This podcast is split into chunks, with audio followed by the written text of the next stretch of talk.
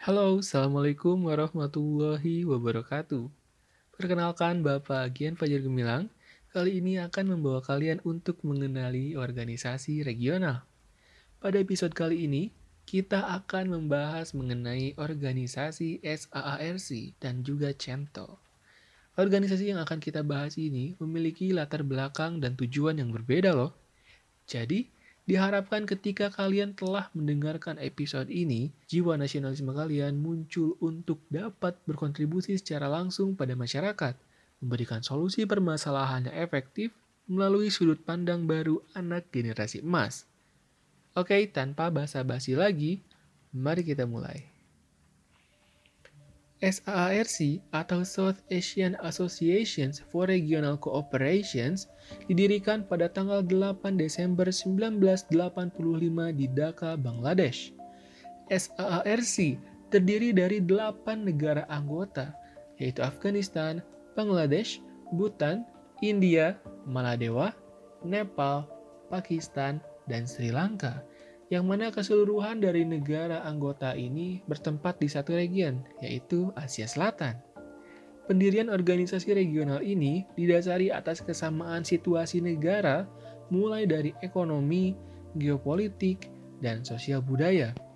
Namun, poin utama yang harus kita sorot adalah permasalahan yang cukup memprihatinkan. Di antaranya, ada kemiskinan, buta huruf, kekurangan gizi, bencana alam, konflik internal, keterbelakangan industri dan teknologi, pendapatan per kapita yang rendah, dan kondisi sosial ekonomi yang buruk. Maka dari itu, dibentuklah beberapa hubungan kerjasama regional antar negara anggota Asia Selatan, di antaranya pada bidang pertanian, pengembangan sumber daya manusia, pengembangan ekonomi, urusan sosial, lingkungan, ilmu pengetahuan dan teknologi, energi terbarukan, hingga transportasi. Tujuan kerjasama yang terjalin tidak akan berjalan dengan baik jika negara anggota tidak mematuhi prinsip dari SAARC.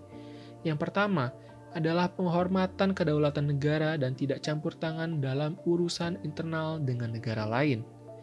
Yang kedua, kerjasama sebagai pelengkap hubungan bilateral dan multilateral. Lalu yang ketiga, Kerjasama ini tidak serupa dengan kewajiban bilateral juga multilateral dari negara anggota.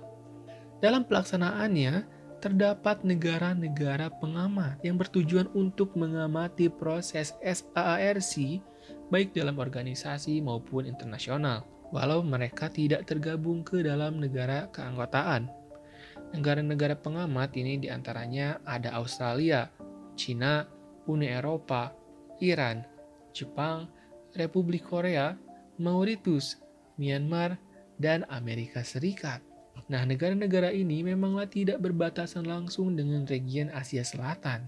Namun, dalam urusan kerjasama misalkan, mereka menginginkan untuk dapat bergabung dan belum ditambahkan dalam negara anggota, sehingga mereka hanya menjadi negara pengamat dan hanya dapat memperhatikan situasi politik dan ekonomi dari perspektif luar anggota saja.